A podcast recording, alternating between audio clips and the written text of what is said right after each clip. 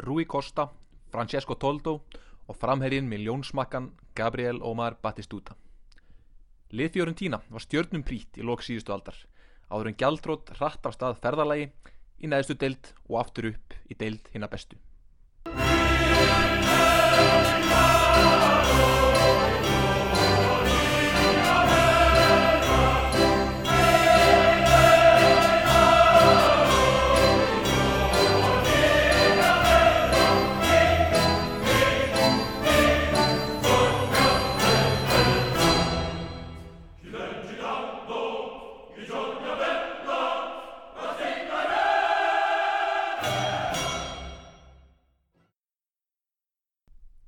Þrettán miljónir ferðamanna ár hvert, höfuðborg hins víðfræga Toskana héras, á heimsminjaskrá UNESCO, fæðingarstaður endurreisnarinnar. Söguleg umfjöllun um Flórens geti verið margar klukkustundir að lengt, en Flórens er heima borgliðsins sem ég ætla að fjallum í dag, Fiorentína. Flórens er staðsett aðeins norður af Róm, á norðvestu strönd Ítalíu, í Toskana héræðinu. Héræðið er víðsfrækt fyrir vínframlegslu eins og flesti vita, en það er hlýtt á sumrin og myllt á vetuna. Flórens var eitt sinn eitt ríkasta borgríki heims og var það á þeim tíma þegar Medici fjölskyttan réð ríkjum í borginni. Medici fjölskyttan nýtti auðafi sín að talsveru leiti í listir og listmunni.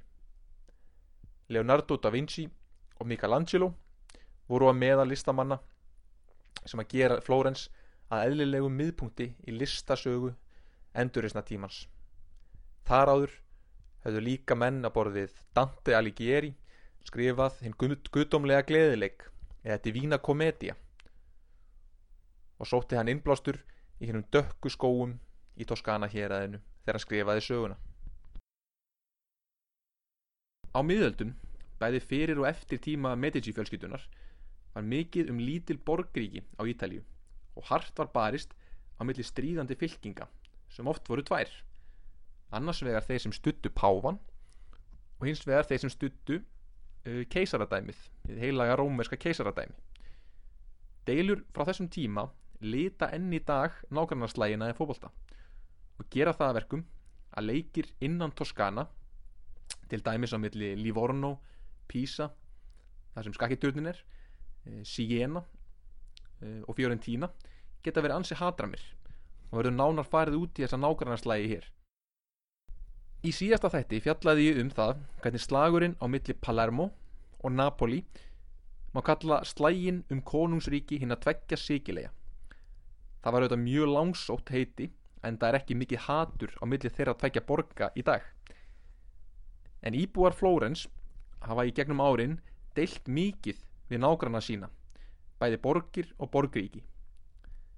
Sérstaklega eru þá nágranna þeirra í norðri, í borginni Pisa sem eru óvinnsælir, víða um Toskana. Pisa, það sem skakkitöðin er, var á sínu tíma upplugt borgríki og voru písabúar herskáir og gerðu árásir að nágranna borginnar yfir lengra tímabil. Písamenn réðu, réðust eitt sinn á hafnaborgina Livorno og herrtóku hana til þess að eiga aðgang að höfn, þar sem Písa er ekki staðsett við sjó. Písamenn þóttu harðir húsbóndar í Livorno og eru mörg máltæki notuð í Livorno um þetta, eins og til dæmis máltækið betra er einn döður písabúi en tíu, tíu lifandi. Stuðningsmenn Fiorentína hafa stundum kynnt undir þessu hatri á leikjum sínum gegn Livorno. Þeir mættu eitt sinn til dæmis með borða sem ástóð Livorno, Porte di Pisa eða Livorno, höfnin í Pisa. Óhætt er að segja að borðin var eins og ólja á eld á Stadio Armando Picchi í Livorno og voru heimamenn ekki sáttir með þennan borða. Harðasti slagun Fiorentína er hins, hins vegar við nágrannana í Siena en þeir spila ekki lengur í serju A en þeir voru þar þó í mörg ár. Ástæðan fyrir því að hatrið á milli Fiorentína og Siena er svo mikið er svo að borgirna tvær voru höfuð víi þessara stríðandi fylkinga. Þeir sem stuttu kirkjuna og pávan og þeir sem stuttu uh, keisarveldið í gegnum allar miðaldir og hefur það hatur haldist að einhverju leiti í dag. Þessar tvær stríðandi fylkingar voru svo kallar Gibelínar og Guelfi ættin og er því derbið á milli þessara tveggja liða oft kallað derbi di Guelfi e Gibelins Guelfi fylkingin var valda mikil í Flórens og samanstóða efna meira fólki sem stutti páan en Gibelins er fylking frá dreifbílum sem samanstóða bændum sem stuttu keisaran en nógum borgina og förum nú að fjallum félagið Fiorentína félagið var stopnað árið 1926 af íbúum borgarinnar fyrir tilstilli fasistaflokksins en eins og ég hef fjallað um í síðasta þætti þá vildu fasistarnir að hver borg hefði eitt stórt knassbytunlið sem gætt keft um Ítalíu meistara titilinn var félagið til, Fiorentína því til við saminningu tveggja minni félaga. Annað sem að fasistarnir vildu gera með þetta nýstofnaða félag var að þeir töldu sig vera að endurreisa knatsbytuna þar sem knatsbytnan var fundin upp. Knatsbytnan eins og við þekkjum hann í dag kemur auðvitað frá Englandi þar sem fyrstu reglurnar um knatsbytnuleiki voru settar eins og við þekkjum þær í dag. En á miðöldum á tíma Medici fjölskyldunar var í, spiluð íþrótt sem að kallast Calcio Historico eða hétt þá Calcio Fiorentino eða Flórensa spilna en það var einhvers konar rúbi sem að spilaður var á miðjutorki í Flórens þar sem er einn allt var leift og enn, enn þann dag í dag er keft í þessari íþrótt einu svona ári í Flórens þar sem hver, hvert hverfi í borginni mæti með eitt lið til leiks. Það er hartir barist og það er spilað á sönduðu torki í miðri borginni. Þannig að fasistatnir sem að sóttu mikinn innblástur í þessa gömlu tíma þeir töldu að með fjörun tína væri knaspinnan í rauninni að koma aftur heim. Fjörun tína komst fyrst upp í efstu deild árið 1931 og var það fyrsta árið sem félagið leik á heimavelli sínum sem liði leikur á enn þann dag í dag Þá hétt völlurinn Stadio Giovanni Berta í höfuð og frægum fasistafóringja. Í dag hefur völlurinn Elimálsangat skipt um nafn og heitir Stadio Artemio Franchi. Það mætti gera ráð fyrir að Artemio Franchi sé einhver hetja sem að spilaði í fjólubláðan búningi í Fiorentína og heitlaði áhórvendur svo mikið að hann fikk völlin nefndan eftir sér. En það er hins var ekki svo. Heldur var Artemio Franchi alls engin knarsbyttumadur heldur var hann e, ítalskur stjórnmálamæður síðar fósiti í UEFA og auðvitað kom hann frá Flórens e, og vinsall í heimaborginni Árið 1950 til 1960 var fyrsta gullalla tímabil Fiorentína og vann félagi þá sinn fyrsta Scudetto eða ítalska deildamistara titil e, fyrsta titilinn af tveimur sem að þrunnu síðan aftur 20 árum, um 20 árum setna Árið 1956 vann félagi þess að deildina á undan AC Milan og árið eftir varð Fiorentína e, fyrsta ítalska knastbyrnuliðið til að leika til úslita í Evrópukeppninni forvera meistaradeildarinnar þegar liðið tapaði í úslitum fyrir Real Madrid Sá sem fór fyrir því liði Real Madrid var engin annar en Alfredo Di Stefano sem flesti kannast við Árin eftir lendi félagið í öðru sæti þrjú ári rauð.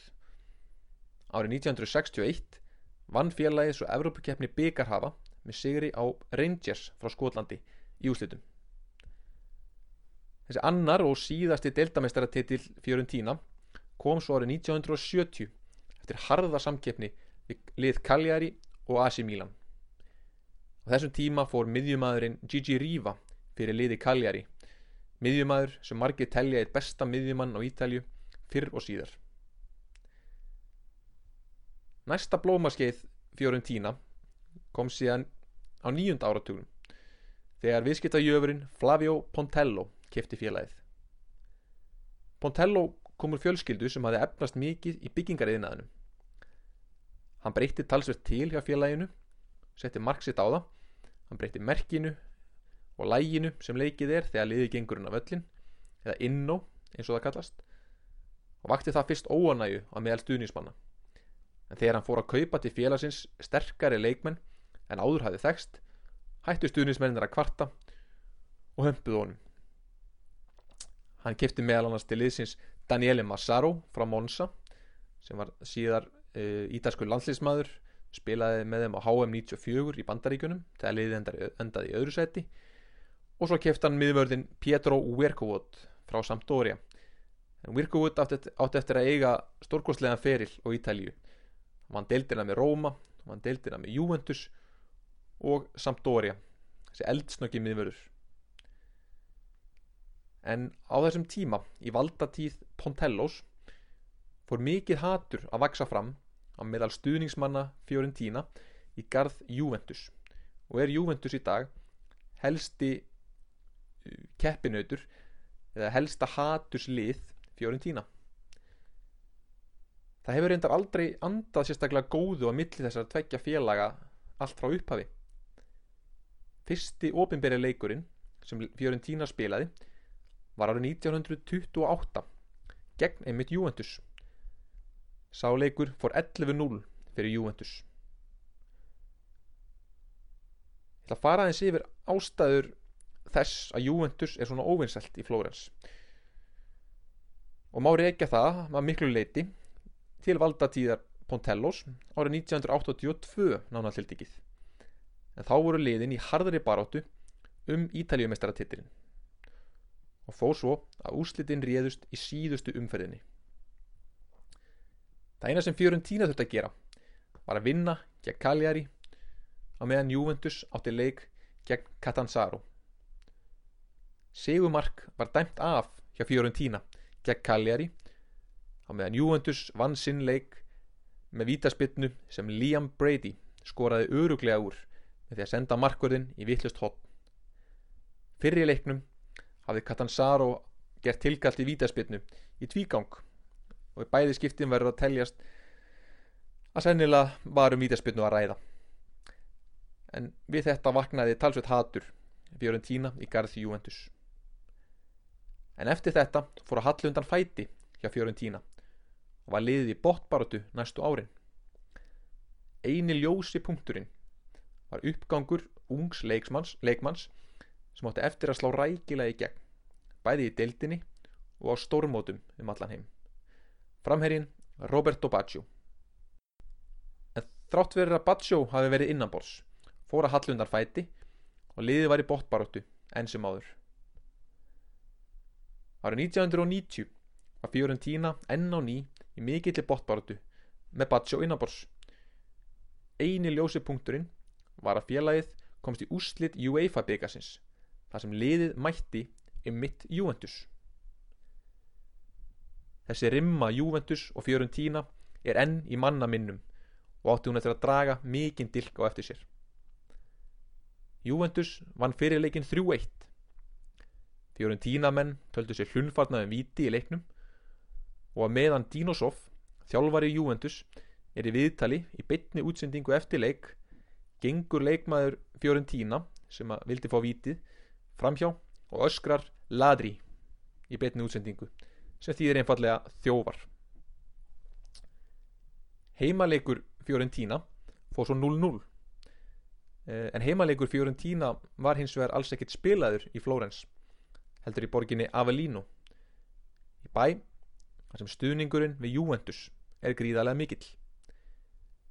Var það gert vegna hegðunar stuðningsmanna Fiorentina í undanúsilla leiknum gegn Verder Bremen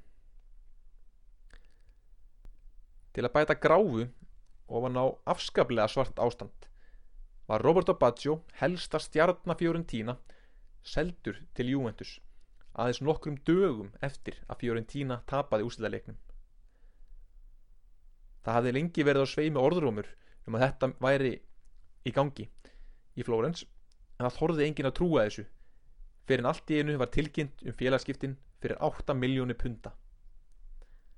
Fiorentina og þarna lendi fjáraskrökkum og Pontello sá sér nöðbeigðan til þess að selja þessar stóru stjórnulísins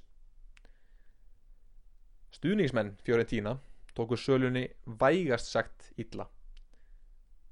Svo illa að ráðist var á höfustöðvar félagsins. Öllu lausum hlutum var kastað í bygginguna þar sem Pontello var inni.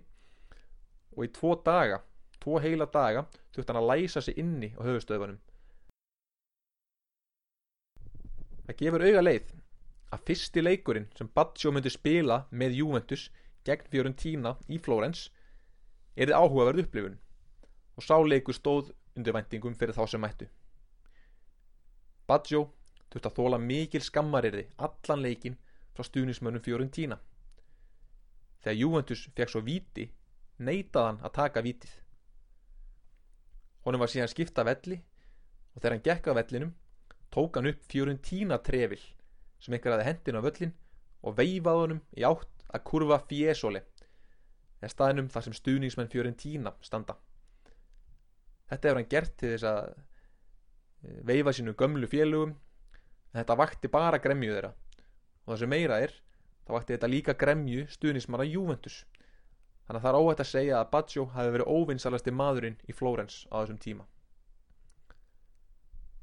Óanæja Fiorentina stuðnismannana og hatur þeirra Juventus hefur leitt til margra skrítina uppákoma og aðtapna fyrrum leikmenn Juventus sem gengið hafa til liðs við Fiorentina hafa orðið fyrir miklu móþægjendum frá hörðustu stuðningsmönnum Fiorentina sem neyta að viðurkenna að þeir séu nú orðni leikmenn þeirra liðs. Þá hafa einnig ósmekleg ummæli fengið að fjúka úr kurva Fiesole sem beinast að fornalömpum hæselslisins þegar 39 stuðnismenn Juventus letu lífið. En svo fór á lokum að Pontello sem hafi verið í fjárásvandræðum seldi Fiorentina til kvikmyndaframleðandans Mario Cecchigori. Og það Fiorentina-lið sem flestir mun eftir í dag hóf yngöngu sína fram á sjónasviðið áður en allt hundi síðan að nýju Það verist að vera endutekkin saga Fiorentina Nýr eigandi kemur fram setur pening í liðið svo fer allt á hausin og liðið þarf að byggja sig upp að nýju.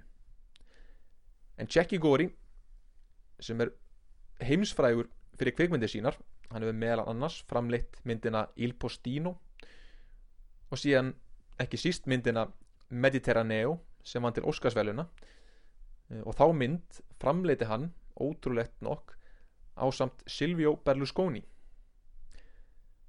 Jackie Gori byrjaði að krafti sem fósetti félagsins og fekk til liðsins sterkar leikmenn á borðu við Brian Laudrup og Stefan Effenberg. Mario Cecchigori fósittin lest samt árið 1993 og sonur hans Vittorio Cecchigori tók við. En liðið var enn í bóttbaráttu á Ítalju og hafði raunar fallið árið 1993 Vittorio Cecchigori var alveg eins og pappi sinn. Kvikmyndaframleðandi nema bara með aðeins starra skap. Vittorio Cecchigori hefur líka framleitt stórkoslega myndir með annars kvikmyndina La Vite Bella sem vann til Óskarsvæluna og það er öll ástæða til að mæla með því á þessari, þessum vettvangi að allir horfi á þessa kvikmynd sem er kannski einn besta kvikmynd allra tíma en árið 1993 hafði liðið sem satt fallið niður í serju B en þaðan lág leiðin bara upp á við með Claudio Ranieri við stjórnmölinn komst liðið upp í efstudelt. Liðið vann ítalska byggarinn árið 1995 og árið 1996 komst liðið í undanúslitt í Evropakeppni byggarhafa. Árið 1998 tók svo góðsögnin Giovanni Trappatoni við stjórnataumunum. Liðið endaði þriðja sæti árið eftir og í meistaraldeldinni vann liðið nokkra góða sigra sem lifa enn í minningu stuðningsmanna liðsins. Meðal annars vannst 1-0 sigur á Arsenal á Wembley og 2-0 sigur gegn Manchester United í Flórens. Margi leikmenn sem á þessum tíma leikum með liðinu eru fókbalta áhuga mönnum í ferskuminni í markinu stó Francesco Toldo sem er auðvitað þekktastur fyrir hetjudáði sínar á EM 2000 í vörnunni voru leikmenn á borði Marcos Santos sem var heimsmystari með Brasilíu árið 1994 frammi var Brasilíumadurinn Edmundo og samt Dória góðsöglinn Francesco Flasi áður hann flættist í kókainnotkun miðjunni var Domenico Morfeo það var Christian Amoroso svíin Stefan Schwartz sem leik með Valencia og Arsenal síðar kom framherrin Enrico Chiesa. En sonur Chiesas hefur einmitt slegið í gegn með liði Fiorentina í dag. Þá leik líka þar Mauro Bressan sem er þekktastur fyrir hjólutaspinnuna sem hann skoraði gegn Barcelona fyrir utan vítateg. Eins aðteglisvert á það er. En Vittorio Cecchigori hafði eitt um efni fram og stórveldi hans riðaði til fals árið 2000 og þurfti hann þá að selja skærustu stjórnuliðsins Gabriel Omar Batistuta argentínska frammerjan til Róma. Batistuta hafði leikið með liðinu í nýju ár en hann var nú komin yfir þrítut og vildi sennilega sjálfur líka freysta þess að vinna einn ítaljumestaratitil en það tókst honum með Róma strax árið eftir. Rúi Kosta og ég muni fjallum bæði Rúi Kosta og Batistúta hér og eftir. En Rúi Kosta tók við fyrirleiðabandinu af Batistúta þegar Batistúta fór. En sömu sögu er síðan að segja af Rúi Kosta. Hann var seldur árið eftir til Asi Milan af því að fjárasvandræði liðsins heldur bara áfram. Fiorentína stemdi í gjaldrótt og það hratt.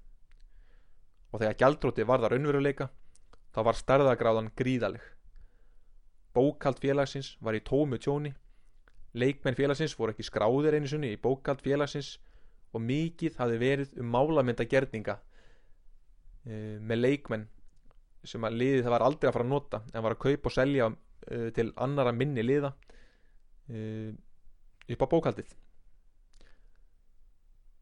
það fór því þannig að kröfuhafar seldu allar eigu félagsins og félagið misti síðan leikheimildina úr ítarska deltakerfinu. Það var starfsmenn Fiorentína á þessum tíma greint frá því að meira segja boltanetin utanum boltana voru seld. Allt var tekið, maður og mús og hann að ekkert varð eftir af því félagi sem hafi leikið í mestrardeldinni skömmu áður. Átti fyrst að færa félagið niður í serju B en af því að leikheimild fegst ekki þá þurfti liðið að byrja aftur í neðstu delt serju C2 Björgunin varð svo að bræðurnir Diego Della Valle og Andrea Della Valle sem að hagnast hafa á leðri og leðurvörum stopnuðu nýtt félag á rústum þess gamla í serju C2 eins og margir mun eftir frá þessum tíma þá þurfti liðið fyrstu árin að notast við nafnið Florentina Viola áður en því kiftu síðan aftur gamla nafnið árið setna félagið komst upp í serju C1 strax ára eftir. En þá voru að klárast alls konar áfríunamál og það var að vera að stækka serju B á þessum tíma. Þannig að félaginu var veitt heimild til að hoppa aftur yfir serju C1 beint upp í serju B. Þetta var afskaplega umdelt á sínum tíma og skiptist menn í tvo hópa.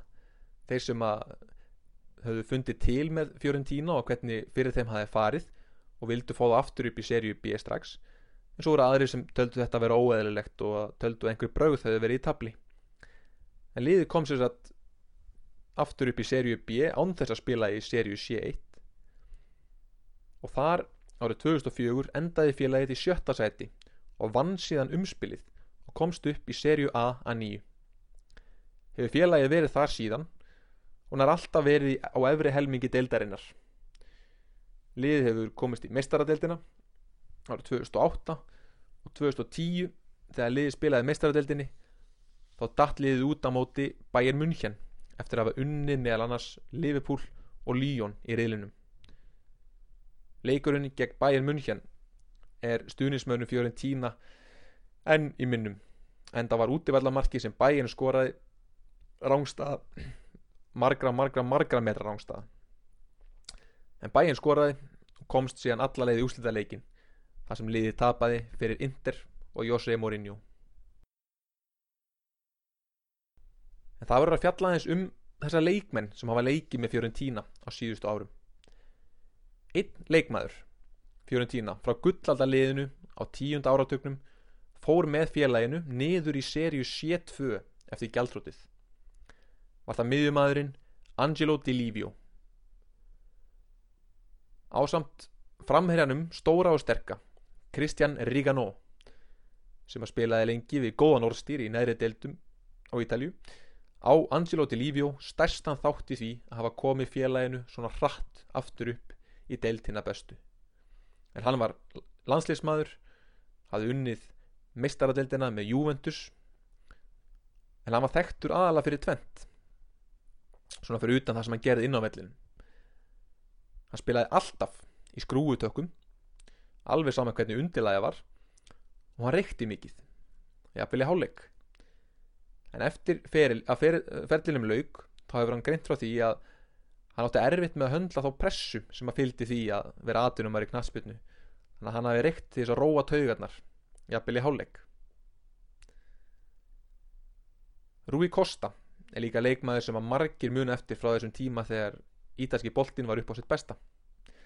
Hann var eins og áðursæði seldur til Asi Milan við gjaldrótið þar sem hann vann meðal annars mestaradildin árið 2003 hann var þessi sannkallaða tíja af gamla skólanum trekvartista eða fantasista eins og Ítalir eru þekkti fyrir að fóstra þótt hann hafið auðvitað verið uppalinn í Benfica og Portugali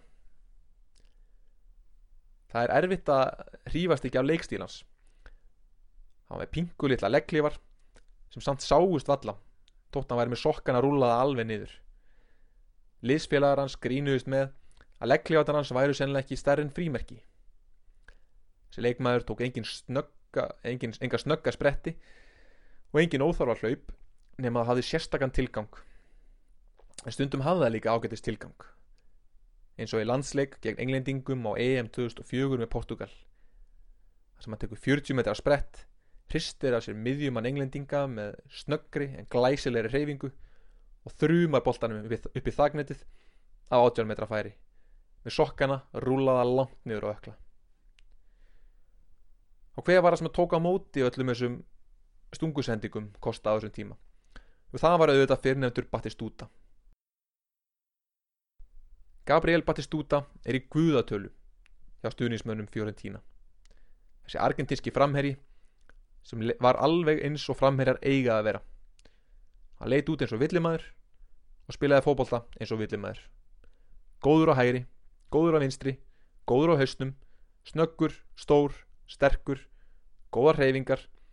Hann var þessi framherja týpa sem að hafði allt og hendaði í öllið og það vantaði heldur ekki ástriðuna hún braust út í hríðskotabissu fagninu fræga þar sem að hljóp með ljónsmakka sinn sem minnir helst á tákmynd Flórens sem er einmitt öskrandi ljón og maður finna ljónstittur um alla borg. Það er ekki skrítið að Batistúta hafi verið elskaður í Flórens. Og hann elskaði sjálfur Flórens og gerir enn. Hann á hús þar þar sem hann dvelur í afnan þegar hann er í frí. Og þar segist hann vera heima hjá sér. Stuðnismenn félagsins erfa það ekki við hann að hann hafi yfirgefið félagið árið 2000 en á þeim tíma þegar hann var seldur þá voru þeir ekki sáttir. Stittu sem hafi verið komið upp á honum var kastað út í hérna sögufræðu á Arno sem rennur í gegnum Flórens. Er þetta afar tákgrænt um það hversu reyðir stuðnismenninni voru vegna þess að áinn hefur verið nótuð sem tákmynd dauðans. Og margir hafa fallið fyrir eigin hendi með því að fleia sér ofan í ána en samband Batistúta og stuðnismannana er gott í dag. Eðlilega. Og verður áfram til æviloka hann leik með liðinu í nýju ár og skoraði 168 mörg í 269 leikum Ég þakka ykkur kjallega fyrir að hlusta á þáttveikunar um Fiorentína Nú lokinn skulum við halda áfram á þessari klassísku braut og hlusta kannski á frægustu arju allra tíma úr óperunni Gianni Skikki eftir Puccini. Og hvers vegna þetta lag? Jú, vegna þess að aðal personan og söngunan í læginu hótar að kasta sér ofan í ána Arno líkt og gert var við stittuna að bati stúta á sínu tíma. Í næstu viku munum svo fjallað um annað félag sem var vinsalt á tíund áratögnum annað félag sem lendi mitt í fjárhaserfileikum og risastóri gjaldróti rauninni tvísvar Parma muni fjallum í næstu viku. Það til þá. Verið þið sæl